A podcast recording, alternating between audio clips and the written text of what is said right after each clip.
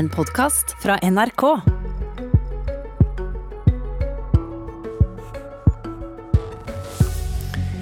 Amerikanske bombefly er på plass i Norge. Er vi trygge nå?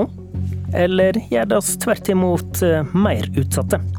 Kanskje er bombefly et godt svar på en russisk trussel? Eller kanskje er det vi som er trusselen? Nå er de eh, faktisk her. Denne veka landa fire amerikanske bombefly på Ørland flystasjon på trøndelagskysten. Sammen med et par hundre amerikanske soldater skal de være her i noen uker for alliert trening. Selv om de to debattantene som snart møtes eh, er uenige om det meste, så tror jeg nok de kan være enige om dette. Amerikanske bombefly på norsk jord er ikke vanlig. Russerne misliker det sterkt, og på venstresida har en advart kraftig mot dette som ei militær opptrapping som øker spenninga. Betyr det, Bjørnar Moxnes, partileder i Rødt, at eh, du mener vi lever i et litt farligere land nå enn i forrige uke? Ja, Det inngår i hvert fall eh, i en eh, militær opptrapping mellom stormaktene i nord som vi har sett de siste årene. Eh, vi har sett en firedobling i antall anløp av franske, britiske amerikanske atomubåter til eh, norske havner. Vi ser at amerikanske bombefly har stadig flere tokt eh, i nord. Vi har hatt over 700 US Marines stasjonert på Værnes siden 2018. Nå har vi altså fått amerikanske bombefly for første gang siden 80-tallet til Norge. Det som er i våre interesser, det er jo å balansere rollen som USA-alliert, som vi jo er, og som vi er uenig i, men som vi er, eh, med eh, rollen som nabo til en eh, stor, til tider farlig og ustabil stormakt i øst.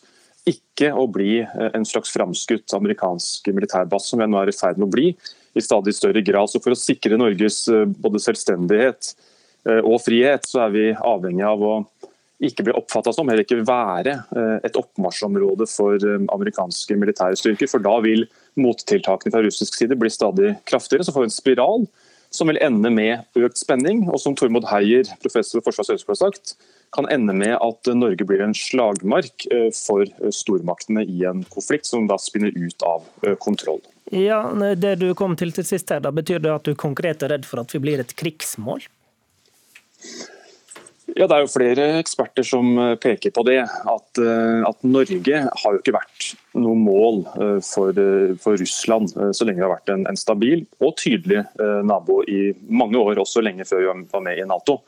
Men når amerikanerne flytter offensive, strategiske våpensystemer nærmere og nærmere russiske grenser, så er det jo ikke så unaturlig at russerne vil kunne oppfatte at de, at de oppfatter dette som amerikanske mål på norsk jord, framfor at det er som tidligere da, eh, mer enn stabil eh, nabo. Så det er klart at eh, det er et farlig spill som nå regjeringa og Høyre driver med. Hvor de altså går vekk fra det som har vært en mer balansert linje i mange mange tiår. Later som det ikke skjer, men i praksis gjør oss til mer av en framskutt amerikansk militærbase enn vi har vært på noen gang, sannsynligvis. Og Det vil dessverre også føre til at det kommer tiltak fra russerne som igjen vil føre til eh, en spiral av økt spenning og mindre sikkerhet for Norge. Hårek Elvenes, stortingsrepresentant i utenriks- og forsvarskomiteen for Høyre. Hvorfor er det i Norges interesse at disse flyene kommer? Nei, altså, eh, eh, Moxnes ser jo ikke dette i sammenheng med det som russerne foretar seg, og har foretatt seg over lang tid. Du unnlater f.eks. å nevne at det russiske forsvarsbudsjettet er økt med 175% siden 2020. Russerne eh, bygger opp sin krigsmakt eh, i et voldsomt tempo. Eh, og det er økt militær aktivitet i nordområdene. Og Vi ser at den militære aktiviteten nærmer seg våre grenser. Russland øver lenger syd og lenger vest. De har et øvingsmønster som er offensivt. De har øvd angrepsprofiler mot Norge. Og Vi ser også at russerne tar mål av seg å kontrollere store havområder, som kan skape problemer med de transatlantiske forsyningene som vi er helt avhengig av. Og Derfor er det i Norges interesse Derfor er det i Norges interesse å være til stede. Vi kan ikke overlate det militære hegemoniet i nordområdene utelukkende til Russland. Vi har en soleklar rett og plikt til å følge med hva som skjer i disse områdene. Og Denne maktmiddelbruken som Russland driver på med, må jo også ses i en litt litt større sammenheng, der Russland bruker ulike sammensatte virkemidler i sin politiske kamp mot Vesten, der man forsøker å polarisere befolkningen, eh, gjennomføre dataangrep, sågar mot det huset som som Moxnes har sin arbeidsplass i eh, daglig. Så dette er en helt nødvendig reaksjon. Ja, Hvorfor er det nødvendig? Hva oppnår vi det? Vi oppnår... Det spørsmålet var Hvorfor er det i Norges interesse at disse flyene er i Norge? Fordi at den amerikanske sikkerhetsgarantien er helt avgjørende for vår evne til å kunne avskrekke og vår evne til å kunne forsvare oss. Ved at amerikanerne er her på midlertidig basis, så viser også USA at de er villige til å stå ved sine forsvarsforpliktelser. Og ved tilstedeværelse så signaliserer vi også eh, forutsigbarhet. Russerne må påregne at deres operasjonsmønster vil bli fulgt med på, og møtt av et operasjonsmønster, et forutsigbart operasjonsmønster fra okay. de allierte. Og Dermed så får du en situasjon i nordområdene som skaper en, stabilitet og en forutsigbarhet, og det er helt viktig. Ok, Det skaper faktisk stabilitet, Moxnes. Ja, Det er en interessant påstand. Jeg er usikker på hvor mange i Forsvaret som er enig med Elvenes i det. Jeg ser i hvert fall at, eh, at eh, Heier og andre peker på at eh, dette utfordrer den strategiske likevekten mellom supermaktene i nord. Og Det er også interessant da, at selv innenfor Nato-medlemskapet, som da Rødt er imot, men med like fullt innenfor det, så har Norge innført en del begrensninger på amerikansk militær aktivitet på norsk territorium. Det har vært av veldig gode grunner. Det har vært fordi at vi har at det ligger et verdenshav eh, mellom Washington DC, Pentagon og Russland, mens vi er nabo til stormakten. Vi har interesse av å ha et eh, stabilt eh, og avklart naboskap med russerne. Vi har ikke interesse av å provosere fram reaksjoner fra men, russerne. Moxnes, og det samme du, sa jo men, hør, general... hør på meg, Moxnes. Er du enig i at Russland opptrer mer aggressivt for tida? Ja, det har vært økende helt siden 2014. Er det et problem? Det er helt åpent. Det er klart det er det, og også ikke minst hva som skjer internt i Russland med en autoritær og Hva slags respons er, mener du vi skal gi på et eh, stadig mer selvhevdende Russland? da? Passivitet? To ting. Nei, to ting. Vi skal holde fast i det som har vært det kloke i basepolitikken. I å ikke tillate amerikansk militær aktivitet som øker spenningen i nord. Og vi skal også ruste opp vår egen forsvarsevne og, og sikre at Norge kan stå for militær tilstedeværelse eh, i nord. Ikke at vi trenger å være avhengig av amerikanerne for å få til dette. fordi så lenge Norge står for det Altså, Russerne ser ikke på det som noe illegitimt at Norge eh, er til stede militært i Norge. Det er jo helt selvsagt. Men det at eh, vi i større grad blir et oppmarsjområde for amerikanske offensive strategiske militære styrker, det er et helt annet spill. Og det er en grunn til da, at også Høyre og Arbeiderpartiet i skiftende regjeringer i 70 80 år var veldig tilbakeholdne med det som nå Elvenes og regjeringa uten noen forbehold går inn i. Altså Senest i sommer advarte jo daværende forsvarsoperative sjef eh, generalløytnant Rune Jacobsen han advarte mot at vi skulle delta i uh, militære seilaser opp langs Kolahalvøya inn i russisk økonomisk sone. Tre måneder seinere var Norge med på det med okay. KNM, to, to, KNM Tor Heyerdahl. Det er et tegn på en ganske rask utvikling. Eh, i retning mer spenning, som ikke er åpent diskutert, og som kamufleres som at alt er som, som før. Men det er altså en stor endring som jeg tror vil gi mindre sikkerhet for Norge, og som vil gi mer rom for stormaktsrivalisering okay. som vi ikke har interesse av. Moxnes har nevnt eh, basepolitikken her, Elvenes. altså For å forklare litt, den, den har jo vært en pål i norsk politikk etter krigen. En selvpålagt erklæring fra Norge om at det ikke skal være militærbaser med andre land sine styrker i Norge. Noe av poenget med den politikken har vært å dempe spenninga mot Russland. Tenker du at det prinsippet gjelder fortsatt?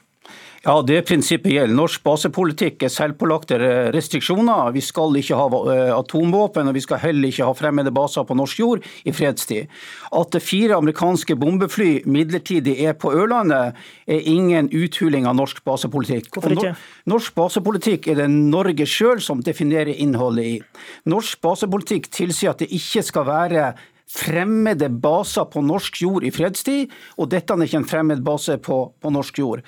Si, Men når det stadig er amerikanske styrker i Norge, i dag, hva er det da? Ja, Hvis man ser på omfanget og størrelsen av de amerikanske styrkene i Norge i dag, så er det langt mindre enn det var under den kalde krigen. Da var det gjennomsnittlig 10 000 allierte soldater i Norge årlig og 2000, eh, 200 allierte fartøy som seila.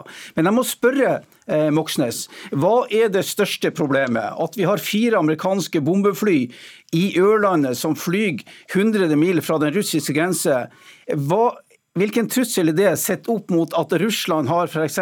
30 eh, atomdrevne ubåter ikke langt fra den norske grense, har hypermoderne missiler som man kan fyre av fra hvor som helst mot hvor som helst i Norge, som kan ramme eh, veldig hardt. Og de ja, har veldig, det, veldig mange Jeg tror Moxnes har skjønt spørsmålet. Ja, hva er det største ja. problemet? Hva utgjør den største trusselen?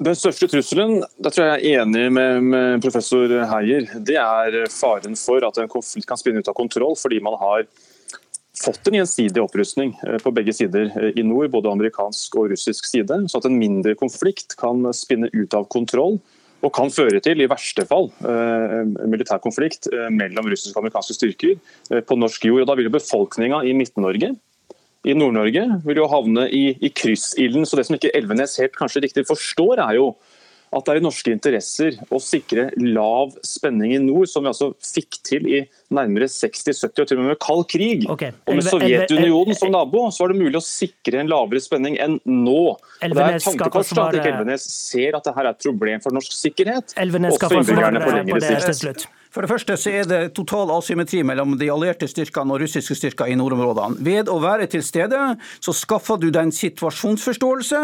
Du kan treffe best mulige avgjørelser.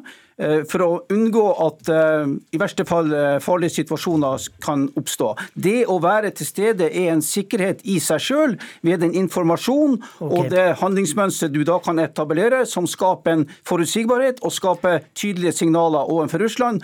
Og det er kun tydelige signaler som Russland skjønner. Takk til begge to.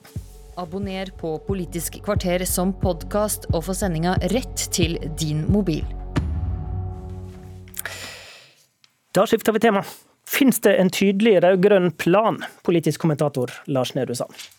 Den er jo å fjerne Erna Solbergs eh, regjering, men de konkrete, tydelige politiske forpliktelsene til hva de x antall partiene forplikter seg til å faktisk gjennomføre, det er ikke like tydelig. Nei. Vi spør fordi gjennom Dagsrevyen og NRK.no i går så kunne en få med seg et felles intervju med Jonas Gahr Støre og Trygve Slagsvold Vedum. Og um, selv om de to eh, som du nevner jo gjerne vil skifte regjering begge, så er faktisk et slikt eh, fellesintervju ganske uvanlig. Da de rød-grønne partiene Arbeiderpartiet, Senterpartiet og SV grep makta i 2005, hadde de lagt fram en tydelig og omfattende fellesplan. Hvorfor er det umulig denne gangen? Det er fordi man ikke ser den samme interessen i å gjøre det og fremstå som et felles lag. Man vil være ulike partier som kjemper for sine primærstandpunkt. Eh, det var jo ikke noe fremforhandlet plan som ble presentert eh, den gangen, men man var stolte over å ville vise en felles eh, vilje og evne. Vise det frem, at man sto for noe samla, og viste rett og slett bare frem hva man hadde stemt felles om i Stortinget over noen år. Du um, skriver på nrk.no at trass noen fellespunkt fra Senterpartiet og Arbeiderpartiet, så sliter de med å vise fram et entydig politisk alternativ. Hva er det som mangler? Det er jo den konkrete politiske forskjellen det vil bli i Norge hvis de vinner valget, som alle forplikter seg til, eh, som skal være med på det. Innenfor klimapolitikk, ruspolitikk, skattepolitikk, innvandringspolitikk, politi og forsvar, sykehus. Eh, og Grunnen til at det er viktig å spørre om det nå, er jo fordi Arbeiderpartiets størrelse er helt annerledes enn i 2005. De har ikke nødvendigvis den samlende, definerende makten på venstresiden som de da hadde, eh, når Senterpartiet er like store. Vi kan nok dermed være budd på å høre orda rød-grønt kaos i valgkampen. Men på Erna Solbergs side i politikken har vi hatt fire ulike regjeringer disse siste åra. Er det mulig å peke på et felles borgerlig prosjekt utover at Solberg skal være statsminister? Det er jo ikke nødvendigvis felles oppfatning om det heller, fordi Fremskrittspartiet sier jo nå at de vil kunne felle eh, dagens regjering, som mm. da vil leve på deres nåde hvis de får uh, fortsette. Uh, det går bra med Høyre, men Frp vil jo dyrke sin egenart, og må det nå. Venstre og KrF må drive en veldig mobilisering til sine kjernevelgere for å komme over sperregrensa. Når vi ikke etterlyser like mye felles politikk fra de, så er det jo fordi det legger de frem fortløpende. mens mens de sitter i regjering, f.eks. en klimamelding. Eh, så dermed så skjønner vi litt mer i hvilken retning de går, eh, mens alternativet er mer usikkert. Det var Politisk kvarter, i studio Håvard Grønli. Du har hørt en podkast fra NRK. Hør flere podkaster og din NRK-kanal i appen NRK Radio.